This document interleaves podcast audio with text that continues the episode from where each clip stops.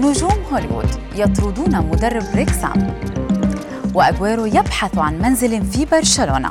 وإفرا يستفز جماهير السيتي. إليكم أبرز أخبار رياضة في الساعات الأربع والعشرين الماضية في دقيقتين على العربية بودكاست.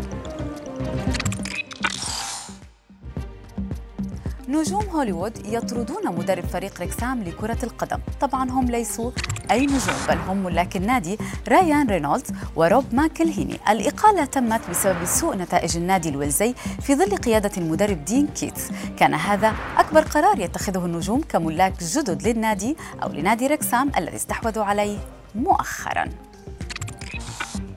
بعدما وقع عقده مع برشلونة سيرجيو أغويرو يبحث عن منزل في المدينة حيث تم التقاط صورة للنجم الأرجنتيني اليوم وهو يستقل السيارة في رحلة ذهابه إلى إكمال الفحوص الطبية وبعدها عاين منزلا في منطقة غاراف البرشلونية.